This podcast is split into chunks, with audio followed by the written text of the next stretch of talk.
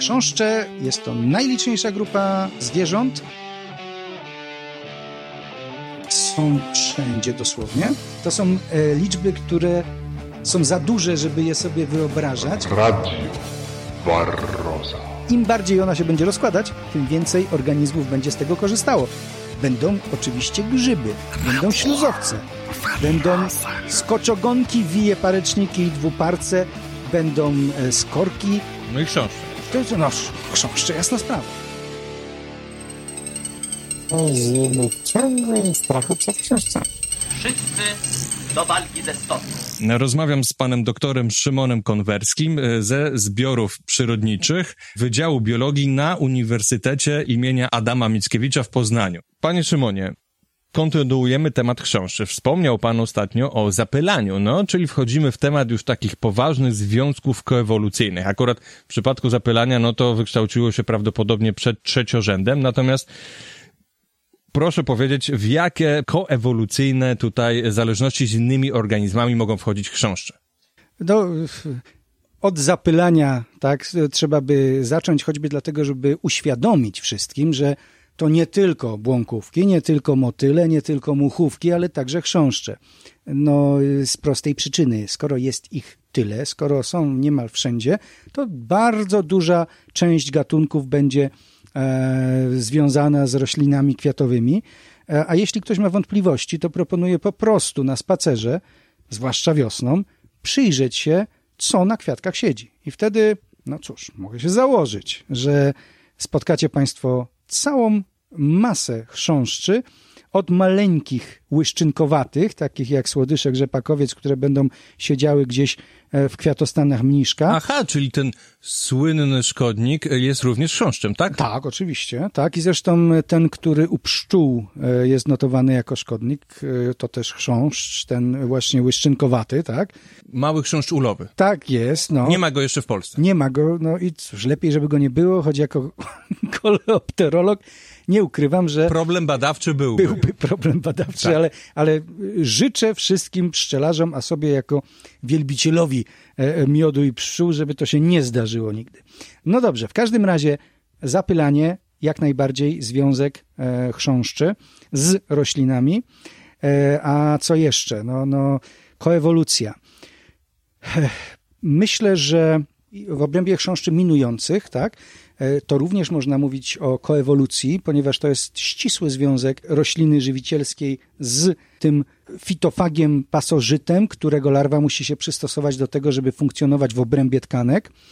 Myślę, że warto wspomnieć o, no cóż, e, to może od razu przeskoczyć, skoro koewolucja to, to do forezy, chociaż może nie, jeszcze jedno – no bo to pana e, specjalny temat, który pana... Tak, jeden, jeden z tych tematów, który w ostatnich latach zwłaszcza mnie zajmował, ale zanim, zanim Foreza, bo jeszcze myślę tak, koewolucja jako, jako dopasowywanie się tak, e, różnych taksonów, to, to koniecznie warto wspomnieć o chrząszczach myrmekofilnych, i nie w naszym klimacie, ale termitofilnych. Myrmeko to mi się z mrówkami Oczywiście, kojarzy. myrmekofilne to te, które wykorzystują owady społeczne, w tym wypadku mrówki, e, co jest niezwykle trudne, bo proszę sobie wyobrazić sytuację, no co się stanie, jeśli jakiś owad będzie chciał wykradać coś z mrowiska, to przeważnie zostanie złapany, zeżarty i koniec. Mrówki mają doskonałą organizację, no na tym to ich potęga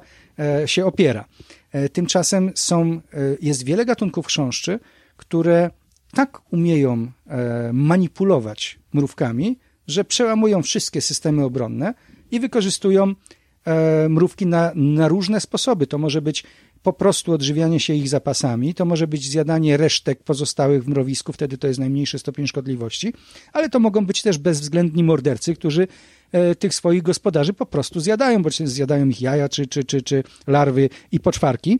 No, żeby, żeby móc to zrobić, trzeba być do tego bardzo dobrze przystosowanym. I tutaj no, obserwowanie tych zależności chrząszczy myrmekofilnych i w odniesieniu do termitów termitofilnych e, to jest niezwykle interesująca gałąź e, koleopterologii. Nawet u nas oczywiście takie myrmekofile występują, mają się dobrze, a, a ich metody są zachwycające. No, na przykład produkcja substancji, które są dla mrówek tak atrakcyjne i prawdopodobnie lekko odurzające, że e, obserwowano przykłady, kiedy zalewane było mrowisko, to proszę sobie wyobrazić, że co mrówki wynosiły, w sensie ratowały najpierw nie jaja czy poczwarki, tylko właśnie chrząszcze, które Oto spryciary. zapewniały im przyjemne, przy, przyjemne wydzieliny ze specjalnych e, gruczołów. Także Rozmawiałem z neurobiologiem, który zajmuje się od owadów i jedno z pytań było, czy owady mają swoje narkotyki. I o- odpowiedź oczywiście była twierdząca, więc... No, tak więc tu, tu właśnie takie, takie substancje przyjemne, odurzające, chociażby przez niektóre chrząszcze myrmekofilne są produkowane. Wyobrażam sobie ludzi, którzy też będą w pierwszym, y, w, w pierwszym odruchu ratowali tego typu No, z- właśnie Zdecydowanie. No jestem w stanie. sobie- uatrakcyjniacze życia, tak? Tak jest. Tak więc i owady takie, i, i te ciężko pracujące społeczne owady także mają swoje drobne przyjemności.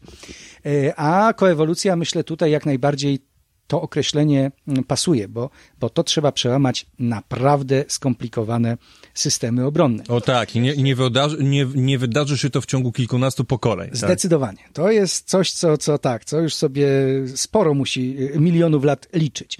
Natomiast y, mm, a propos błąkówek, to myślę, że warto wspomnieć o e, jakie mogą być związki między chrząszczami, a, a chociażby osami czy szerszeniami. E, Jest, jest taki gatunek, zresztą w Polsce pod ochroną, to jest kiedyś Velleius, obecnie Quedius dilatatus, polskiej nazwy nie ma. E, Piękny, duży kusak, duży, bo, bo, bo jak na kusaki to jest olbrzym, półtora centymetra. E, Otóż on jest gatunkiem no, uważanym za zagrożony, a to zagrożenie wiąże się z jego właśnie biologią i związkami z błąkówkami. Otóż proszę sobie wyobrazić, że ten chrząszcz występuje w gniazdach szerszeni i os innych, tak, e, gdzie jego larwy polują na larwy muchówek, które odżywiają się odchodami larw szerszeni i tych innych os. Czyli nie wystarczy mu dziupla, musi być dziupla z błąkówkami, muszą być muchówki, czyli ten cały układ jest skomplikowany, no i niestety ze względu trochę na tą komplikację, e, no sprawia, że gatunek jest nieliczny. A są też chrząszcze, które Ale nie wymierający.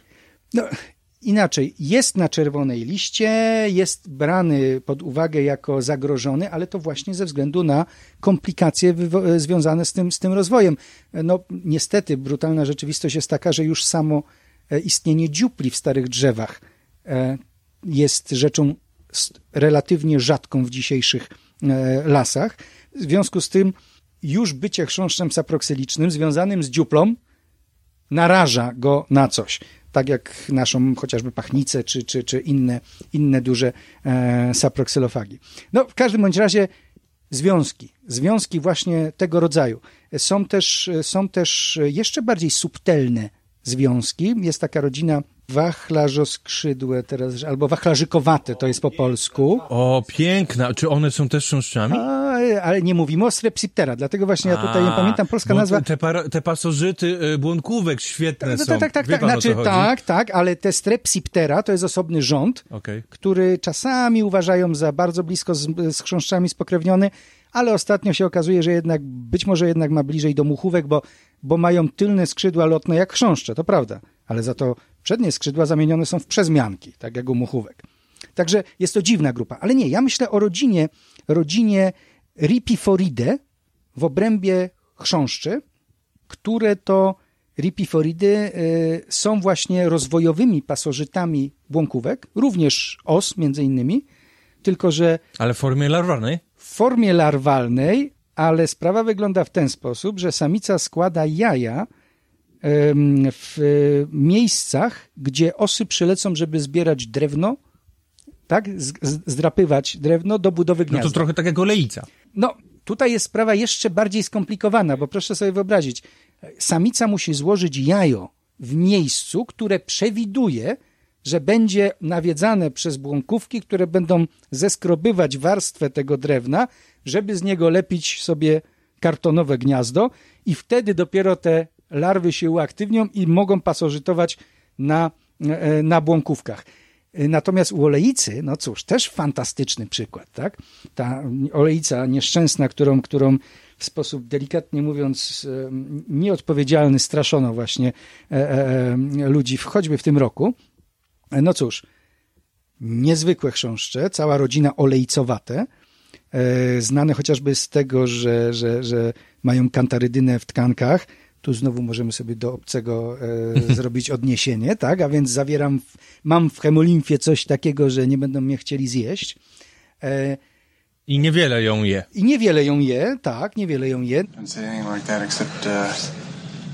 molecular acid. Must be using it for blood. It's got a wonderful defense mechanism. You don't dare kill it. What about Kane? Here's your pen, bro. Znana jest ta rodzina choćby dlatego, że e, wykorzystywane były chrząszcze z tej rodziny od starożytności, sproszkowane z racji tej kantarydyny w tkankach, zwłaszcza gatunek Lyta vesicatoria, czyli um, pryszczel lekarski, czy też majka lekarska. E, I z tego robiono pobudzającą substancję zwaną hiszpańską muchą. To od, od czasów starożytnych. A więc hiszpańska mucha to, to chrząszcz. Natomiast nasze olejce, cóż, na wiosnę widzimy takie wolno y, poruszające się piękne chrząszcze, e, które samice z gigantycznymi odwłokami produkują no, niewiarygodną liczbę jaj. Z tych jaj zakopanych w norce wylęgają się, wylęga się pierwsze stadium larwalne, zwane triungulinusem, czyli trójpazurkowcem i te trójpazurkowce wspinają się na rośliny. A tam czekają na wszystko, co przyleci. Te, które przylecą, przyczepią się do e, pszczół, będą przez pszczoły zabrane i będą miały szansę się rozwinąć. Stąd wyjaśnia nam się powód produkcji, takiej nadprodukcji larw, bo zaledwie drobny procent tych larw trafi do żywiciela. Nieświadome bidaczki mamy e, zabie zabierają e, pasożyty, które będą żerowały na ich dzieciach. No, tak to, tak to się odbywa. Y, Jako chrząszczarz nie jestem w stanie mm, czuć jakichkolwiek, nie wiem, nie- czy mieć pretensji do tych olejc, zwłaszcza, że jako chrząszcze są fascynujące i Zwłaszcza, że my sami jesteśmy gatunkiem, no, spe też specyficznych relacjach z przyrodą. Tak, no, no więc to, więc to już jest osobna sprawa, także tak, do żadnego gatunku e, nie można by mieć tyle pretensji o niszczenie, e, o, o szkodzenie innym co do nas, ale dobra. W każdym razie kolejny, kolejny, tak, kolejny związek niezwykle e, ścisły, ciekawy, skomplikowany. E, No i tu dobrze, to to już teraz w ramach tej koewolucji, żebym jeszcze z, właśnie zdążył o tym opowiedzieć. Foreza, czyli faktycznie przykład, jak wykorzystać tego, kto umie latać, jak się samemu nie umie. Dzień dobry pani. Dzień dobry pana. Y, poproszę dwa bilety do Gdańska. Nie ma niestety już miejsc. Słucham? Nie ma niestety już miejsc. A dokąd pani ma jeszcze bilety? A jak to dokąd? No co pani ma wolnego? Jedynie do Koszalina. Słucham? Jedynie do Koszalina. Pani da te bilety. Mówiliśmy o tym, że e, w zasadzie czas wyjścia, tak, 400 milionów lat temu, paleozoik, czas wyjścia stawonogów na ląd, to jest mniej więcej zbliżony, czyli tak naprawdę trudno rozeznać, czy tam były jakieś duże różnice między tym, kiedy wyszły e, pajęczaki, e, pojawiły się wije i owady. No a jednak owady jako, powtarzam to jeszcze raz, bo zapominamy o tym często, jako pierwsze zwierzęta w historii życia na Ziemi poleciały lotem aktywnym. E, no i pierwsze i jedyne wśród bezkręgowców. To też jest niezwykłe. Mamy 400 milionów lat e, m, istnienia bezkręgowców, mówię sz- wszystkich, tak? Oczywiście w tym stawonogów. Na, na lądzie. I tylko jedne owady latają aktywnie. To jest w ewolucji ewenement. Oczywiście, e, no, łatwo o tym zapominamy. W każdym bądź razie tylko owady poleciały. A tak przy okazji, proszę zobaczyć, owady miały czas na zdobycie wszystkich środowisk, bo im niewiele, niewiele innych organizmów mogło przeszkodzić. Bo żeby pier- pierwsze kręgowce poleciały, to musieliśmy czekać do mezozoiku. Kiedy w czasie, gdy dinozaury łaziły po ziemi, to latały pterozaury. Potem pterozaury, potem z dinozaurów wyewoluowały nam ptaki i w mezozoiku mamy i pterozaury, i ptaki. I owady cały czas. A potem wymierają pterozaury, zostają ptaki, dołączają się nietoperze. I to jest koniec aktywnego lotu w przyrodzie. Tak więc aktywny lot sam w sobie jest zjawiskiem niezwykłym. I teraz do czego zmierzam? Skoro posiadły zdolność aktywnego lotu, to stały się hmm, atrakcyjne jako środek transportu. I tu jest, to jest dopiero coś niesamowitego. Otóż e, szczególnie e, te związki mm, uwidoczniły się pomiędzy pajęczakami a owadami. Pajęczakami z racji chociażby różnicy wielkości. To znaczy głównie dotyczy to roztoczy, ale na dużych chrząszczach kuskowatych także na przykład zaleszczotki są transportowane. Już nie mówię o tym, że zaleszczotki regularnie latają na muchach, bo takie coś u siebie nawet w domu obserwowałem. Natomiast zaleszczotki są relatywnie duże i potrzebują dużego chrząszcza. Tymczasem roztocze są malutkie bądź bardzo malutkie i im wystarczy nawet taki paromilimetrowy kornik jako środek transportu. E, ja od paru lat zajmuję się badaniem związków foretycznych. Właśnie foreza to jest ten transport e, na gapę, tak? Czyli wykorzyst... pajęczak wykorzystuje, w tym wypadku roztocz, wykorzystuje latającego owada jako środek transportu. A, a y, organizm, który transportuje, nie ma z tego żadnej korzyści. Nie ma korzyści, a to znaczy powiedzmy sobie tak. To jest już bardziej skomplikowane, ponieważ okazuje się, że w niektórych przypadkach może nie mieć żadnej korzyści, ale też niewielkie straty, bądź też żadnych strat, bo na przykład nie, nie, nie, nie kosztuje go to e, żadnej dodatkowej energii. Niemniej jednak okazuje się, że niektóre związki są znacznie ciekawsze niż nam się wydawało wcześniej, ponieważ dajmy na to w wypadku silfide, czyli omarlicowatych, rodzaju nikroforus, czyli grabarz, które budują komory, w których wychowują młode i opiekują się larwami do tego stopnia, że karmią je na zasadzie regurgitacji, e, no to one również mają, przenoszą na sobie roztocze i okazało się, że e, te roztocze nie są obojętne dla rozwoju larw, ponieważ te roztocze polują na nicienie. Jeśli nie będzie roztoczy, to nicienie będą mogły uszkadzać larwy. Czyli proszę zobaczyć, związek ha, tego by się nikt nie spodziewał. Tu już tak? mamy e, rodzaj mutualizmu. To już jest, no to są już związki znacznie bardziej skomplikowane. E, sprawa wygląda tak, że, że te związki foretyczne tak naprawdę dopiero poznajemy. No sam, sam jakby mam tą satysfakcję, że e, e, e udało mi się parę cegiełek dołożyć do związków foretycznych e, jednej z grup roztoczy, mm, uropodina, z chrząszczami saproksylicznymi, a więc tymi związanymi z martwym drewnem. A w praktyce wygląda to tak, że po prostu znajduje pan chrząszcza, na którym na przykład są roztocza, tak? To jeśli chodzi o pojedyncze znaleziska, to tak. Natomiast, e, natomiast e, generalnie rzecz biorąc, e, często to wygląda w ten sposób, że odławia się do pułapek chrząszcze z jakiegoś obszaru, potem sprawdza się, które chrząszcze noszą na sobie roztocze, no a potem to już jest dalsze jakby badania. Na przykład określa się które lokalizacje na ciele chrząszcza są pre preferowane, a więc czy to będą pokrywy, czy pod pokrywami, czy na nogach, czy na spodzie ciała, a więc y, i, i, i, czy to jest powtarzalne, czy to jest charakterystyczne dla poszczególnych taksonów. Te, te roztocze, o których mówię, są też wyjątkowe, ponieważ wiele grup roztoczy prze, przenosi się na zasadzie forezy.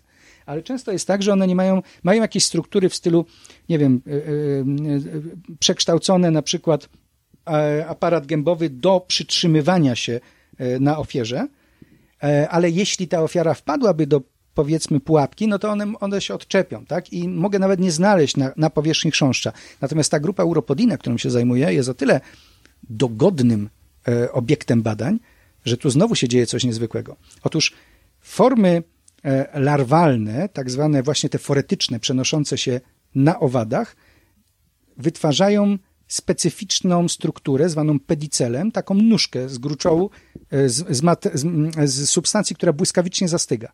I w tym momencie na takiej nóżce przyczepiony jest roztocz, który jest kompletnie nieaktywny w trakcie lotu.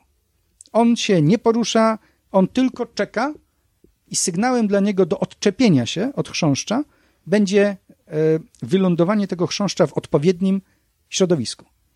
Jakie e, sygnały, jakie bodźce są kluczowe, to tak naprawdę jeszcze jest dopiero w kwestii... A rozmnażanie tego roztocza jest poznane? Nie, on tak, on się, on leci, dajmy na to z, jak, z jednego drzewa, tak, musi być synchronizacja, przynajmniej w wypadku kuskowatych w lesie pierwotnym w Białowieży, ewidentnie jest synchronizacja e, cyklu życiowego chrząszczy z cyklem życiowym roztoczy. Czyli proszę sobie wyobrazić jedno drzewo zasiedlone przez chrząszcze, larwy w związku z tym buszują w tym drzewie, tak? Żerują. Muszą tam być też te roztocze, a co ciekawe, e, zero informacji jest w tej chwili na świecie na temat e, uropodina w obrębie żerowisk kuskowatych, czyli to jest znowu coś, co trzeba będzie odkryć i to obowiązkowo. W każdym bądź razie muszą tam być te roztocze, bo mówimy o tysiącach deutonimf na, na chrząszczach. W momencie, kiedy chrząszcz się przepoczwarcza, roztocze wchodzą, tak? Larwy wchodzą na chrząszcza, wytwarzają pedicel, przyczepiają się, chrząszcz je zabiera na nowe drzewo żywicielskie, na którym, do którego lecą zarówno chrząszcze samce, jak i samice. Tam następuje kopulacja, tam samice składają jaja i na tym nowym drzewie roztocze się odczepiają, żeby rozpocząć kolejny cykl. Czyli synchronizacja w obrębie dwóch taksonów, żeby się dopasować i zasiedlić nowe środowisko, w tym wypadku nowe drzewo. Jak stara, y, jak stara jest taka ewolucja? Ha, dobre pytanie. Znaczy, to się musiało zacząć e, bardzo wcześnie, ponieważ już 40 milionów lat temu deutonimfy, czyli te formy, e, formy foretyczne uropodina z bursztynu bałtyckiego na kuskach wyglądają tak jak dzisiejsze, w sensie mają pedicel, czyli to już musiało być dawno gotowe.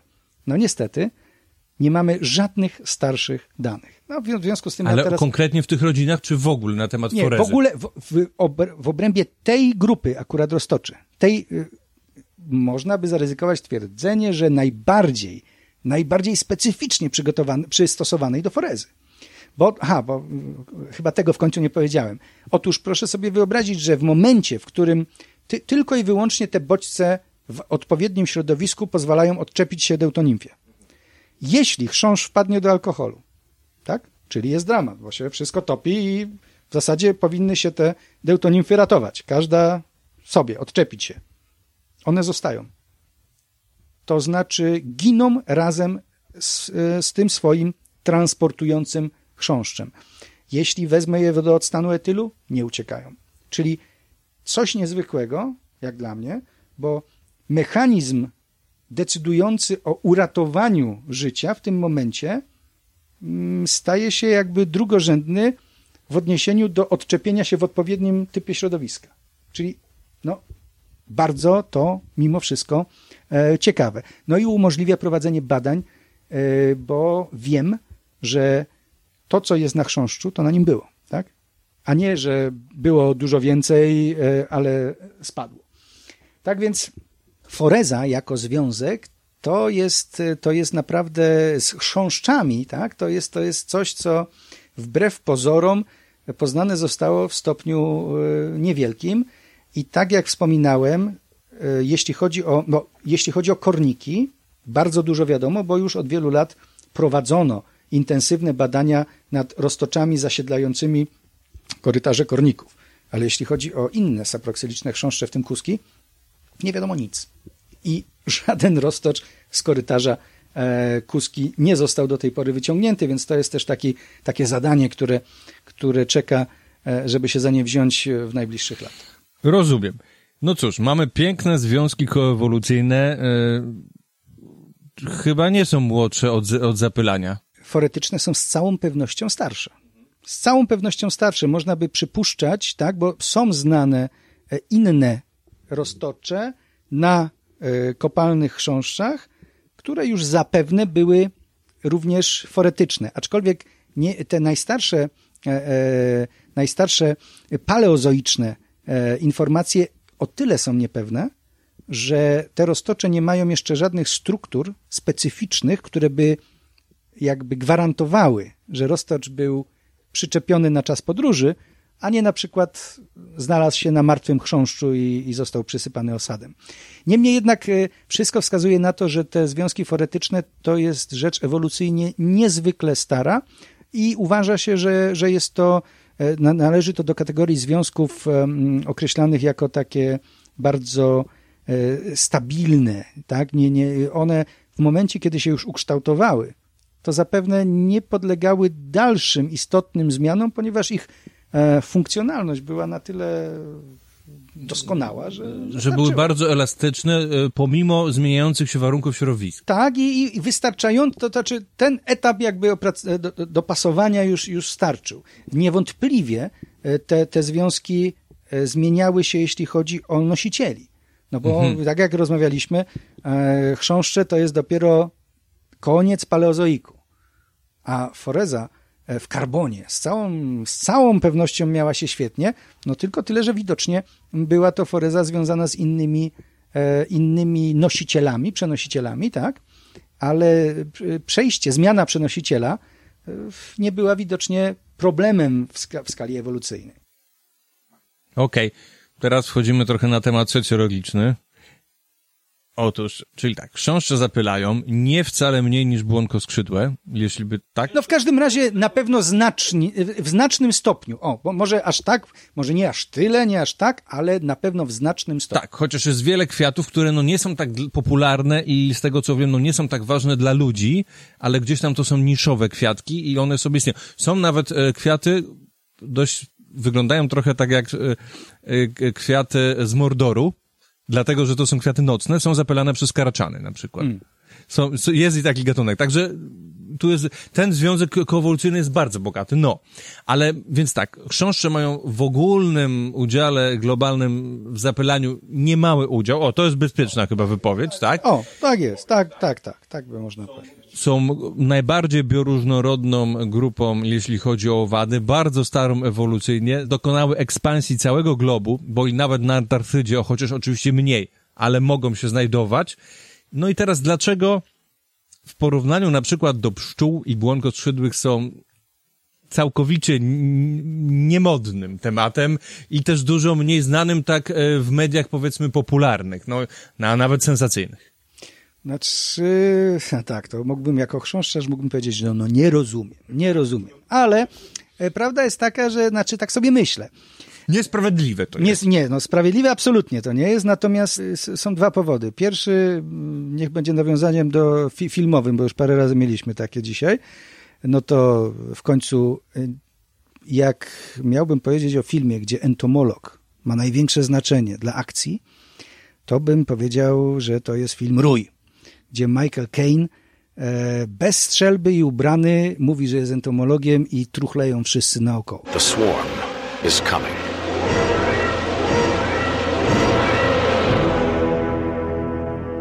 Cóż, skoro można było zrobić naprawdę niezły thriller, gdzie głównym e, atakującym i masakrującym siły zbrojne amerykańskie jest pszczoła afrykańska i entomologa osadzić jako najważniejszą postać, no to pszczoły się robiły znane. Ale tak prawda jest taka, że to już było trochę na odwrót. Oczywiście bardziej e, realnie sprawę ujmując, E, No cóż, człowiek, czy ludzie w masie e, często nie interesują się rzeczami, które uważają, że ich nie dotyczą. A więc poza specjalistami, być może e, wielu po prostu powie, że ich, to, ich te tam zwierzaki malutkie czy robaki odpukać nie obchodzą, tak? Bo nie mają bezpośrednio, bezpośredniego wpływu e, na ich życie. Pyta pan, czemu, czemu pszczoły są bardziej medialne? Ja myślę, że pszczoły zrobiły się, no po, po, pierwsze, no miód oczywiście, po pierwsze e, samo wykorzystanie owadów, samo pozyskanie wspaniałego, słodkiego miodu, który przecież w czasach, kiedy słodyczy się no nie robiło aż tak, to musiało być coś, coś fenomenalnego. A przypomina mi się jedna rzecz, to jakie, jak, czasami o tym mówię, jak, jak e, żeby, żeby e, ludzie docenili, jak sobie łyżeczkę miodu biorą. E, Nie wiem, pamięta pan, pan pewnie, jakie było prawo bartne, E, chyba za Kazimierza Wielkiego. E, Tam było powiedziane, napisane, tak, że złodzieja miodu, przyłapanego po raz drugi bodajże na, na kradzieży, to kat ma mu wyrżnąć pęp, przyczepić do drzewa i z pochodnią go wokół tego drzewa e, gonić, tak żeby mu się jelita okręciły wokół drzewa i czekać aż tamten padnie. W związku z tym dużo niektórzy za, za miód e, zapłacili. E, A więc pszczoły od starożytności dawały nam coś wspaniałego. A czemu się teraz zrobiły jeszcze bardziej medialne? Bo do ludzi dotarło, że ich zachowanie wpłynie nie tylko na to, że nie będzie miodu, tylko na to, że może nastąpić zapaść e, związana z hodowlą e, roślin uprawnych, tak, znaczy z uprawą, bo to zawsze ta hodowla wchodzi z uprawą roślin, a przez to jakieś załamanie gospodarki, a od tego już był tylko kawałek do zrozumienia, że jeśli zlikwidujemy zapylacze, to zmieni nam się, to nam się zmienią e, ekosystemy na inne, na takie, w których nam wcale dobrze nie będzie. W związku z tym nagle, myślę, ludzie poczuli, że te zapylacze są ważne, mimo że do tej pory to raczej się oganiali i nie chcieli, żeby ich coś urządliło, to teraz się okazało, że ich życie i jakość ich życia bezpośrednio od tych owadów zależy. No i pojawiły się domki dla zapylaczy, które jeszcze kilkadziesiąt lat temu byłyby nie do pomyślenia. Pojawiły się wreszcie zamiast golfowych e, e, e, jakichś, trawników na, w, w ogródkach murawy kwietne. Teraz dopiero co e, w Helu byłem i co tam na wejściu, poza pięknymi rzeźbami, kwietna murawa zamiast trawnika na, na, w parczku e, niedaleko, niedaleko samego dworca kolejowego. No aż miło popatrzeć. Potężny, potężne właśnie takie hoteliki dla, dla zapylaczy. Ale chrząszcze z takiej murawy też mogą korzystać. Wszystko z tego będzie korzystać. E, Z domku dla zapylaczy może chrząszcze mniej, ale e, jestem dobrej myśli o tyle, że w tej chwili to jest tylko kwestia czasu, aż uda się przekonać ludzi, że tak jak już dbają o zapylacze, tak warto zadbać o chrząszcze saproksyliczne i zrobić im po prostu położyć jakąś kłodę, żeby ona sobie przez 40-50 lat leżała i dawała możliwość rozwoju tym chrząszczom, które gdzie indziej by tego zrobić nie mogły. A one będą sobie potem latać, zapylać i cokolwiek jeszcze robić. Okej, to może e, zróbmy taką poradę, bo ja mam coś takiego w ogrodzie, mam dosyć e, w sumie dziki ogród, czyli e, położona po prostu kawał drewna, niech się tam rozkłada, niech na niego pada deszcz, to jest super rzecz dla chrząszczy, tak? Zdecydowanie tak, z, z tym, że no, sprecyzujmy, nie tyle może sam kawał drewna, co najlepiej, gdyby to, gdyby to był tak. Pień z, korą, korą. dokładnie. Pień z korą, bo ta kora kiedyś odpadnie, ale to jeszcze za długie lata będą. Oczywiście na niej rozwija się pleśń i są też prosionki na przykład, Oczywiście. bardzo je lubię Znaczy, zresztą. Oczywiście dzisiaj rozmawiamy o chrząszczach, ale taka kłoda to jest y, mm, ośrodek, centrum, powiedziałbym w tym momencie w ogródku bioróżnorodności. Bo wbrew pozorom nie będzie pan miał wcale więcej gatunków na roślinach, niż będzie ich w tej kłodzie. Im bardziej ona się będzie rozkładać, tym więcej organizmów będzie z tego korzystało. Będą oczywiście grzyby, będą śluzowce, będą Wije. skoczogonki, wije, pareczniki i dwuparce, będą e, skorki. No i chrząszcze. No, chrząszcze, jasna sprawa. Natomiast to No, będzie... Okej, chrząszcze są wszędzie, więc to ustalmy w ogóle, tak, tak? jest, tak jest, ale, ale robiąc taką, taki, e, taki, taki e, hotel dla saproksyli, no to się robi przyjemność nie tylko chrząszcz. A właśnie, przecież skoro chrząszcze są wszędzie, no to oczywiście są na polach uprawnych i tu dochodzimy do pewnych modnych wyjątków, jednak znanych chrząszczy, aczkolwiek w wersji niesławnej. Y, Czyli już sobie dzisiaj trochę o nich mówiliśmy, na przykład stonka ziemniaczana, kornik, drukarz.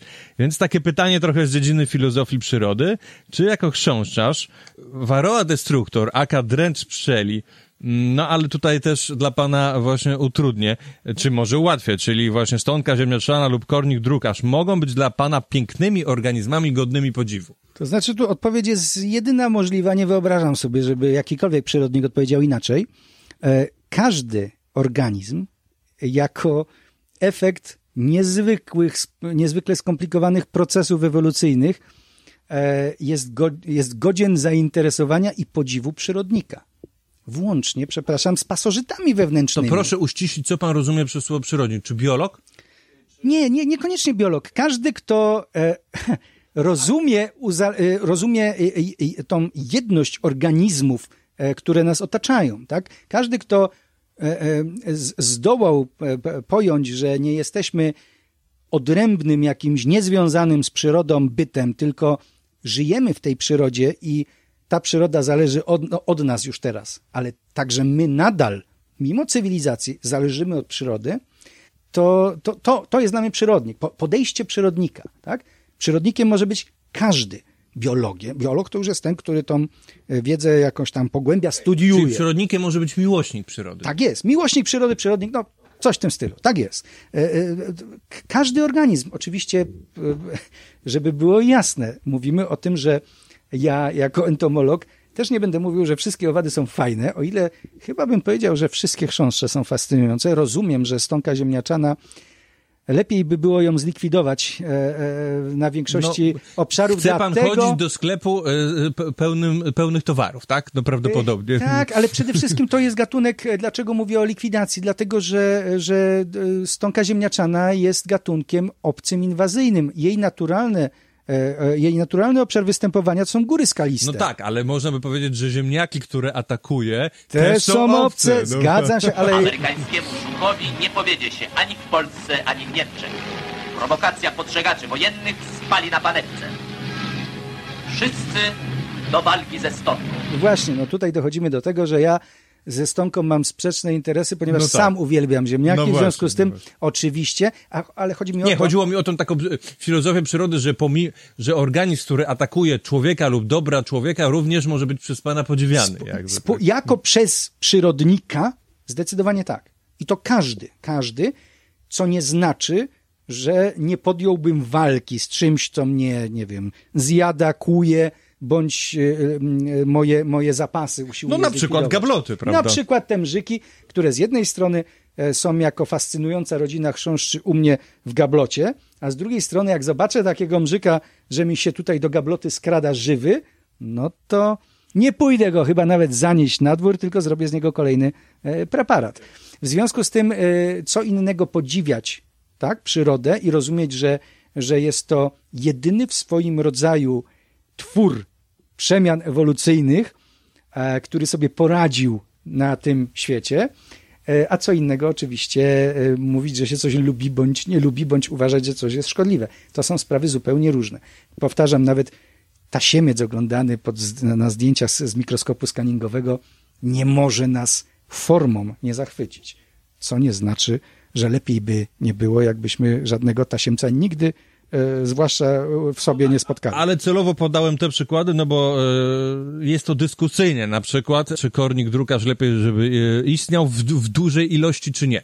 Przynajmniej w mediach jest to dyskusyjne. To znaczy, tutaj, tutaj ocieramy się o jeszcze jeden problem. Oczywiście kwestia gospodarki i szkodników, których to szkodników w przyrodzie nie ma. A kornik, kornik jest o tyle, no właśnie, w mediach, kornik w mediach, dlatego że e, w sytuacji lasu naturalnego. Kornik jest jednym, jedną z sił e, działających na ten las, e, która zawsze była zawsze funkcjonowała, mogły się robić, mo- mogły być gradacje, y, potem to wracało do jakiegoś stanu równowagi. E, i tak naprawdę korniki dały się nam przede wszystkim we znaki dlatego, że najpierw człowiek zaczął kombinować ze składem, e, składem gatunkowym e, w tym, co nazywał lasami, a tak naprawdę robił plantacje.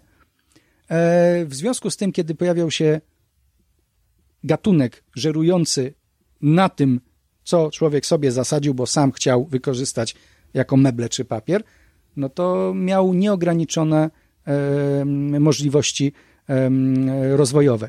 Także kwestie, kwestie Ale jest tutaj też taki konflikt troszeczkę e, e, filozoficzny, wydaje mi się, po, czy bardziej chcemy takie e, środowisko, jakie nam się podoba, prawda, do czegoś, jakie sobie zaplanowaliśmy, czy bardziej e, akceptujemy dynamiczne zmiany, które się w nim dzieją jako całość? Czy, To znaczy, powinniśmy, powinniśmy akceptować zmiany w tam, gdzie one zachodzą w, w, w, jako procesy naturalne. Problem taki jest, że już coraz mniej jest obszarów, na których te, na których tak bardzo nie zniszczyliśmy i albo nie zmieniliśmy przynajmniej przyrody, że te zmiany mają jeszcze charakter naturalny.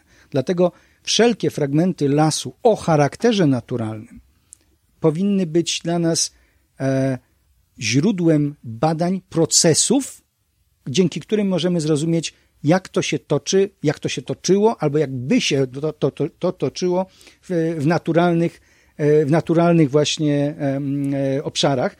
Natomiast e, tam, gdzie już coś zostało wycięte w pień, a potem odrosło i nawet zostało e, jakby znaturalizowane. tak, to mamy, z tym mamy do czynienia w Europie Północnej. Są piękne parki, piękne lasy, ale te wszystkie lasy powstały od zera. My mamy to unikatowe, to, ten unikatowy obszar e, Białowieży, gdzie nie wnikając w to, czy to jest zupełnie naturalne, czy nie, e, trzeba jakby zachować, znaczy sprawa jest jasna o tyle, że jest to i tak najbardziej naturalne z tego, co mieć możemy.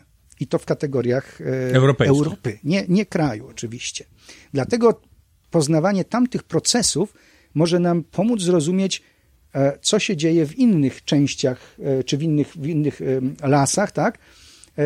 I, I dlatego jest takie cenne, dlatego nawet za cenę utraty jakichś czy, czy powiedzmy, no nawet nie utraty, zmian drastycznych, choćby wynikających z, z jakiegoś właśnie, z jakiejś gradacji, i tak powinno się to obserwować, a nie ingerować, bo jak, za, jak zaczniemy ingerować, to stracimy tą jedną, jedyną okazję do obserwacji. No, no tak, jest to trochę co innego niż w przypadku stąki ziemniaczanej, bo w takim wypadku stracimy po prostu możliwość wykarmienia ludzi ziemniakami. Natomiast z punktu widzenia e, tych chrząszczy, to one po prostu e, robią po prostu swoje i tyle, One prawda? Robią to swoje, tutaj nie my, ma specjalnych różnic. A my możemy to obserwować i możemy zobaczyć, jak te ekosystemy na to odpowiadają. Oczywiście, że tego nie można ze stonką porównywać, ponieważ stonka to jest to jest atakowanie plantacji. No tak. tak? Czy, czy, czy upraw. Dób rolnika, tak, tak który tak sobie także, zasiał. Także, nie, nie, to, to dla siebie, tak? stonka jest, no cóż, jest. Yy, Właśnie to czy, troszeczkę, chociaż no nie tak wprost, takie pole pole jedne, jednej rośliny, no można jakby porównać do takiej plantacji leśnej. A nie, no tak? oczywiście, to raczej bym powiedział, że plantację pseudolasu w celach gospodarczych można porównać właśnie do uprawy zboża, ziemniaka, czegokolwiek. Tak, i tutaj by pan ewentualnie akceptował, że, jak, że możemy wtedy te drzewa chronić. Ale tak, zdecydowanie przed... tak, bo jeśli, jeśli, yy, jeśli mamy las, którego zadaniem jest, w którym zadaniem jest produkcja drewna, to musimy to chronić. Natomiast inaczej jak mój las, no to nawet nie powinno się do końca lasem nazywać, tylko plantacją. E, natomiast o charakterze mamy, leśnym. To, no, to jak coś takiego. Natomiast jeśli mamy las i chcemy las zachować, to już musimy to traktować inaczej. Także oczywiście, to, to nie, nie, nie to, żeby wszędzie chronić i na wszystko pozwalać, absolutnie nie. Tylko w tych wyjątkowych miejscach, e, gdzie, gdzie to ma sens, sens naukowy przede wszystkim, bo utrata takich informacji, no to jest przede wszystkim niepowetowana strata dla, dla naukowców. No cóż, w każdym bądź razie każdy, kto uważa, że lasy miejskie, nie wiem, e, to, to są lasy, to powinien się właśnie wybrać do Białowieży, żeby zobaczyć... Zwłaszcza do, tego, do tej części rezerwatowej, tak? No, oczywiście, no to jest coś, coś e, znowu dla przyrodnika, dla człowieka wrażliwego na przyrodę, to jest obowiązkowe miejsce e, w Polsce bo to zmienia sposób postrzegania u niektórych. Właśnie, i tam jest dużo tych takich przewróconych pni, gdzie, gdzie się dzieją różne rozkłady i to nas naprowadza na nas trzeci odcinek, który nagramy sobie chyba następnym razem, co, do czego już zapraszamy e, słuchaczy, czyli o rozkładach e, z kolei no większych trochę zwierząt, czyli na przykład kręgowców, w relacji e, z chrząszczami. No ale kontynuując mnie, jak patrzę, ale mnie jak patrzę na stonkę ziemniaczaną, naprawdę zachwyca ten organizm, jest bardzo piękny, taki paskowany, prawda, znaczy, no, no, podejrzewam, że swego czasu stonka ziemniaczana, tak, ta leptinotarsa decemlineata, była chrząszczem bardzo cenionym w kolekcjach u entomologów. Zwłaszcza dlatego, że miała bardzo ograniczony zasięg występowania, no i tak jak pan mówi, jeśli zapomnimy o jej tak zwanej szkodliwości, to jest to chrząszcz przepiękny. Okej, okay. a przypomnijmy, skąd ona się wywodzi? Góry skaliste, Ameryka Północna.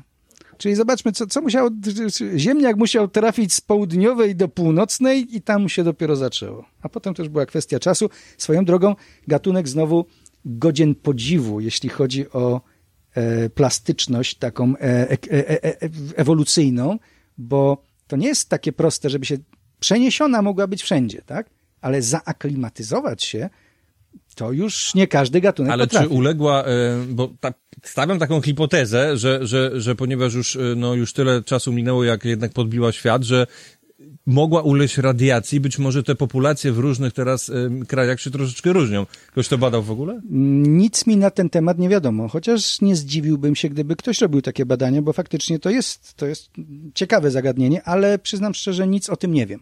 Natomiast, natomiast to też jest duża szansa, że ktoś się tym, jeśli nawet nie zajął, to zajmie, bo badania dotyczące ekonomicznie istotnych gatunków jest łatwiej przeprowadzić w sensie choćby finansowym, niż takich, co to ich nikt nigdy nie To widział. prawda, dlatego zadaję te pytania, bo zauważyłem, że u specyficznych grup, jak na przykład roztocza właśnie, mm, czy karaczany, to dużo o nich wiemy, głównie dlatego, że badania były do nawet jeśli zachwycały naukowców, to ostatecznym celem było jak je skutecznie Likwidacja, tak jest. Wytępić, tak. Ale to może zataczyć ta- o tyle fajny krąg, że ostatecznie dzięki temu się dowiadujemy e, dużo pożytecznych informacji. Oczywiście. Także nie, nie, to każdy powód rozpoczęcia badań jest dobry. To nie ma żadnych, żadnych wątpliwości.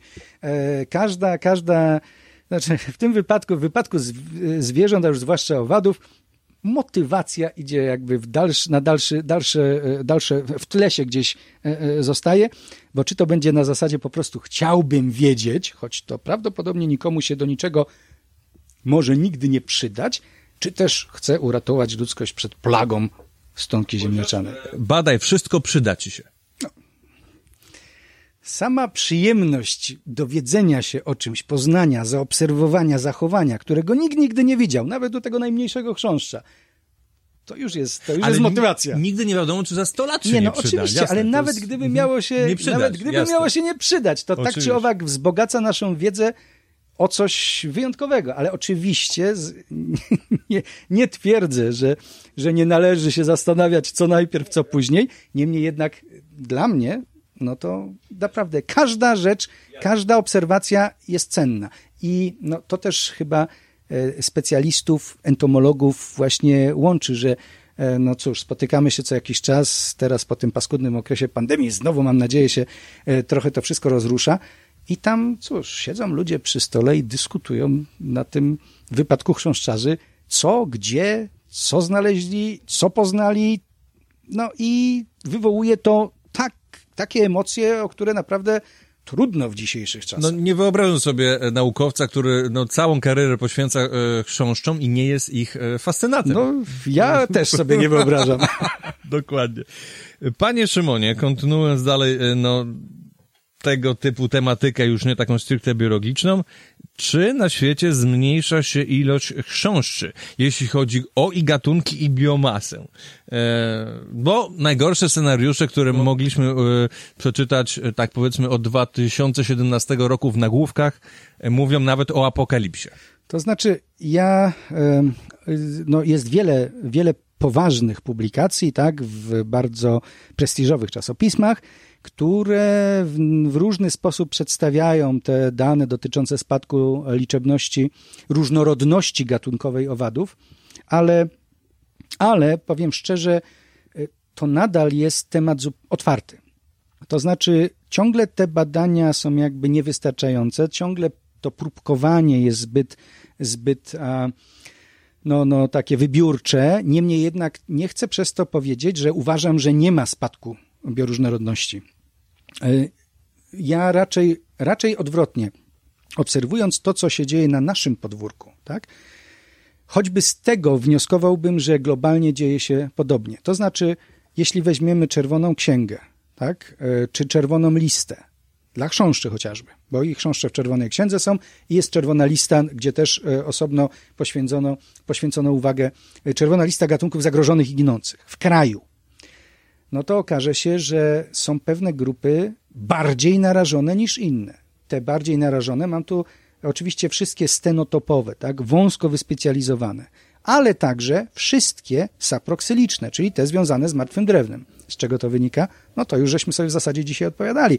E, Nie, niewystarczająca e, ilość tego martwego drewna, to jest oczywiście sformułowanie, za które e, mogę tam zostać skrytykowany, bo się mówi, że martwe drewno, ale to jest skrót myślowy. To jest, e, uży- używamy tego martwego drewna nie jako tkanki, ale jako powiedzmy pozostałości po drzewie. E, Powiedzenie martwe drzewo też by nie było do końca dobre, bo czasami chodzi o kawałek gałęzi, no to w każdym bądź razie. One, one są, odpowiadają za największą różnorodność biologiczną w lesie usunięcie czegoś takiego powoduje drastyczny spadek. I teraz e, już jest oczywiście i tak lepiej niż było. Może to trochę są fluktuacje, ale generalnie w porównaniu do tego, co było kilkadziesiąt lat temu, to i tak już rozumieją wszyscy w zasadzie potrzebę zostawiania, pozostawiania tego drewna, e, doceniają drzewa dziuplaste, tak? rozumieją, że gatunki ginące w skali Europy są uzależnione od takich e, środowisk i mikrośrodowisk. E, no, skoro widzimy, że to się dzieje u nas, skoro te gatunki, skoro ich e, liczebność spada i możemy to zmierzyć, a spada, bo jest niewystarczająca liczba e, środowisk do ich rozwoju, a w wypadku owadów to właśnie środowisko rozwoju jest kluczowe, nie sztuka. Orły możemy liczyć, nie wiem, gniazdami. Owady tylko i wyłącznie środowiskiem rozwoju.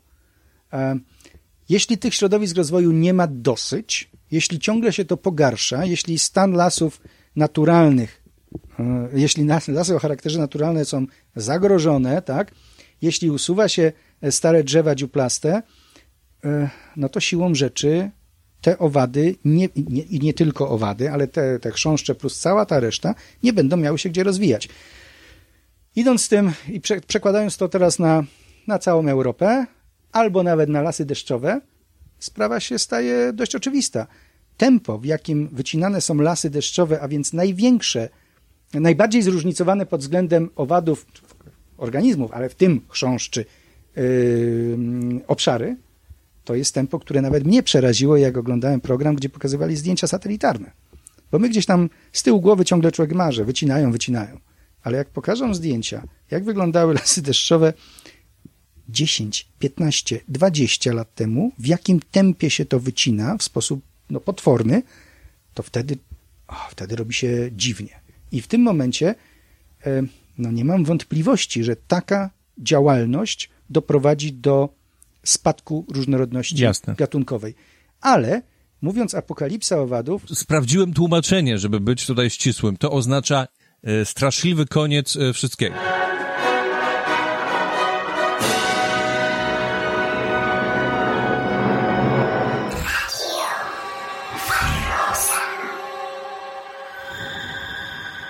No właśnie, straszliwy koniec wszystkiego to nie. To, to jest inna sprawa. Ja mówię o spadku różnorodności biologicznej, konkretnie w tym momencie mojej grupy. E, apokalipsa, straszliwy koniec wszystkiego to nie. Dlaczego? Prędzej nas wykończy, wykończą zmiany, które zainicjowaliśmy, niż owady. Oczywiście, jakie grupy przetrwają? Tego, to, tego w tej chwili nie przewidzimy.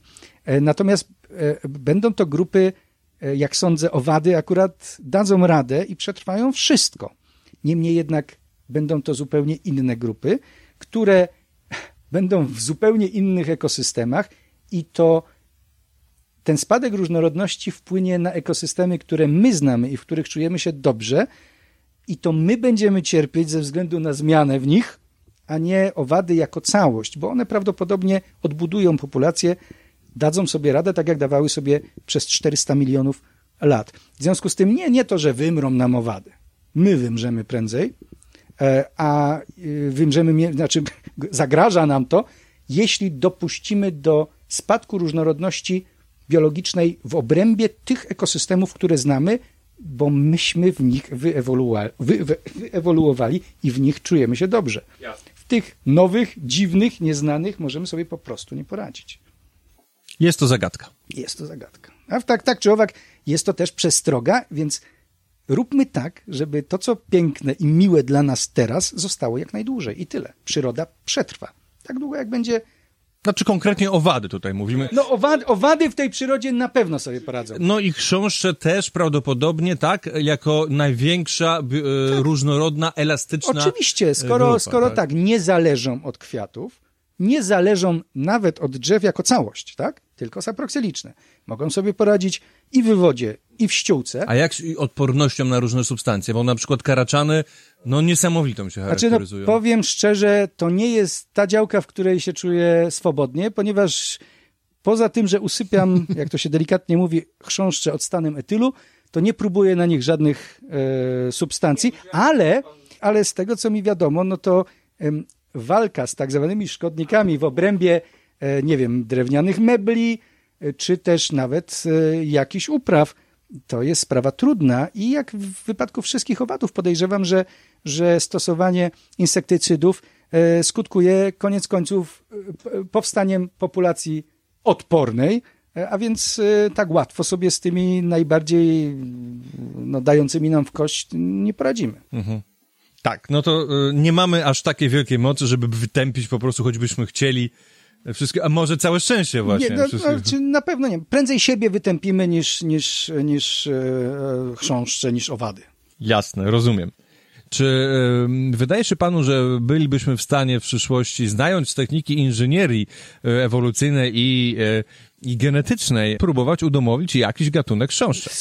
No nic takiego mi do głowy nie przychodzi, ponieważ bezpośrednio nie ciągnęliśmy, że się tak wyrażę, korzyści tego rodzaju, jaki był, jaka, jaką mamy z pszczół, Albo z jedwabników. czy też właśnie z jedwabników, gdzie nacisk na to, żeby je hodować, trzymać był tak ogromny, no, że można je było zmienić. W wypadku jedwabnika, no to nie ma żadnych wątpliwości, tak? Nie ma już dzikich jedwabników. Mało tego, jego y, rozmnażanie stricte uza, uzależnione od też pomocy człowieka. tak? Oczywiście, no nawet już biedoki latać nie potrafią, tak? Natomiast w wypadku chrząszczy nic takiego mi do głowy e, nie przychodzi. Jedyne mm, e, takie wykorzystanie chrząszczy na dużą skalę to są, to są jednak e, badania naukowe, na przykład e, hodowle, hodowle em, tenebrionidy, czy łącznika młynarka chociażby, czy też rodzaju zofobas w celu badań, bądź ewentualnie jakąś, jak, jakiejś karmy, ale to nadal nie jest ta skala. Także tu myślę, że nic nam, nic nam, e, znaczy, no inaczej, nie przychodzi mi nic takiego wśród chrząszczy, co moglibyśmy porównać e, czy z pszczołami, czy z jedwabnikiem. Okej, to je- miałem o to pytać, czy w takim razie, y, tak jak w przypadku mrówek, czy pszczół, czy innych owadów, czy, czy są też takie badania, które prowadzi się na ży- żywych chrząszczach gdzieś w laboratorium, utrzymując je po prostu, y, no, w warunkach laboratoryjnych, żywe?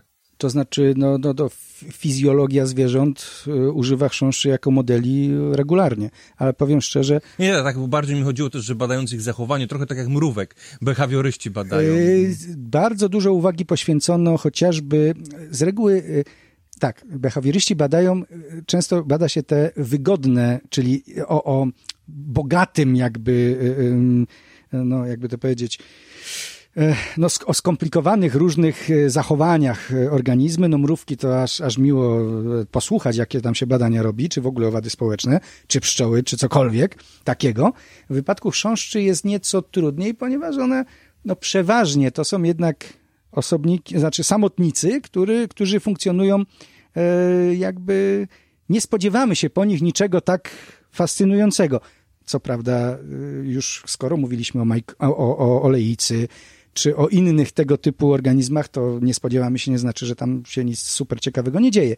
Natomiast takich badań behawioralnych jest mniej, ale y, jedna z grup, która jest wyjątkowa poprzez swoją skomplikowaną biologię i opiekę nad potomstwem, o której dzisiaj wspominałem, to są właśnie e, rodzaj Nikroforus, czyli grabarz, e, przedstawiciele Sylphide, chrząszcze nekrofilne, nekrofagiczne, e, które, które, co jest u chrząszczy wyjątkowe, opiekują się potomstwem, tak? Bez nich to potomstwo nie przeżyje, robią specjalną komorę, do której zakopują znalezione szczątki, czy znaleziono ma, małą, małe zwłoki jakiegoś ma, drobnych kręgowców i, i tam, e, i tu już daje to pole do popisu dla behawiorystów i o ile wiem, tutaj prac powstawało sporo. No, między innymi opowiadałem panu o, tych, o tym, co, co stwierdzono na podstawie badania forezy u Nikroforus, czyli że te roztocze mają wpływ na rozwój larw poprzez ograniczenie licz- liczebności e,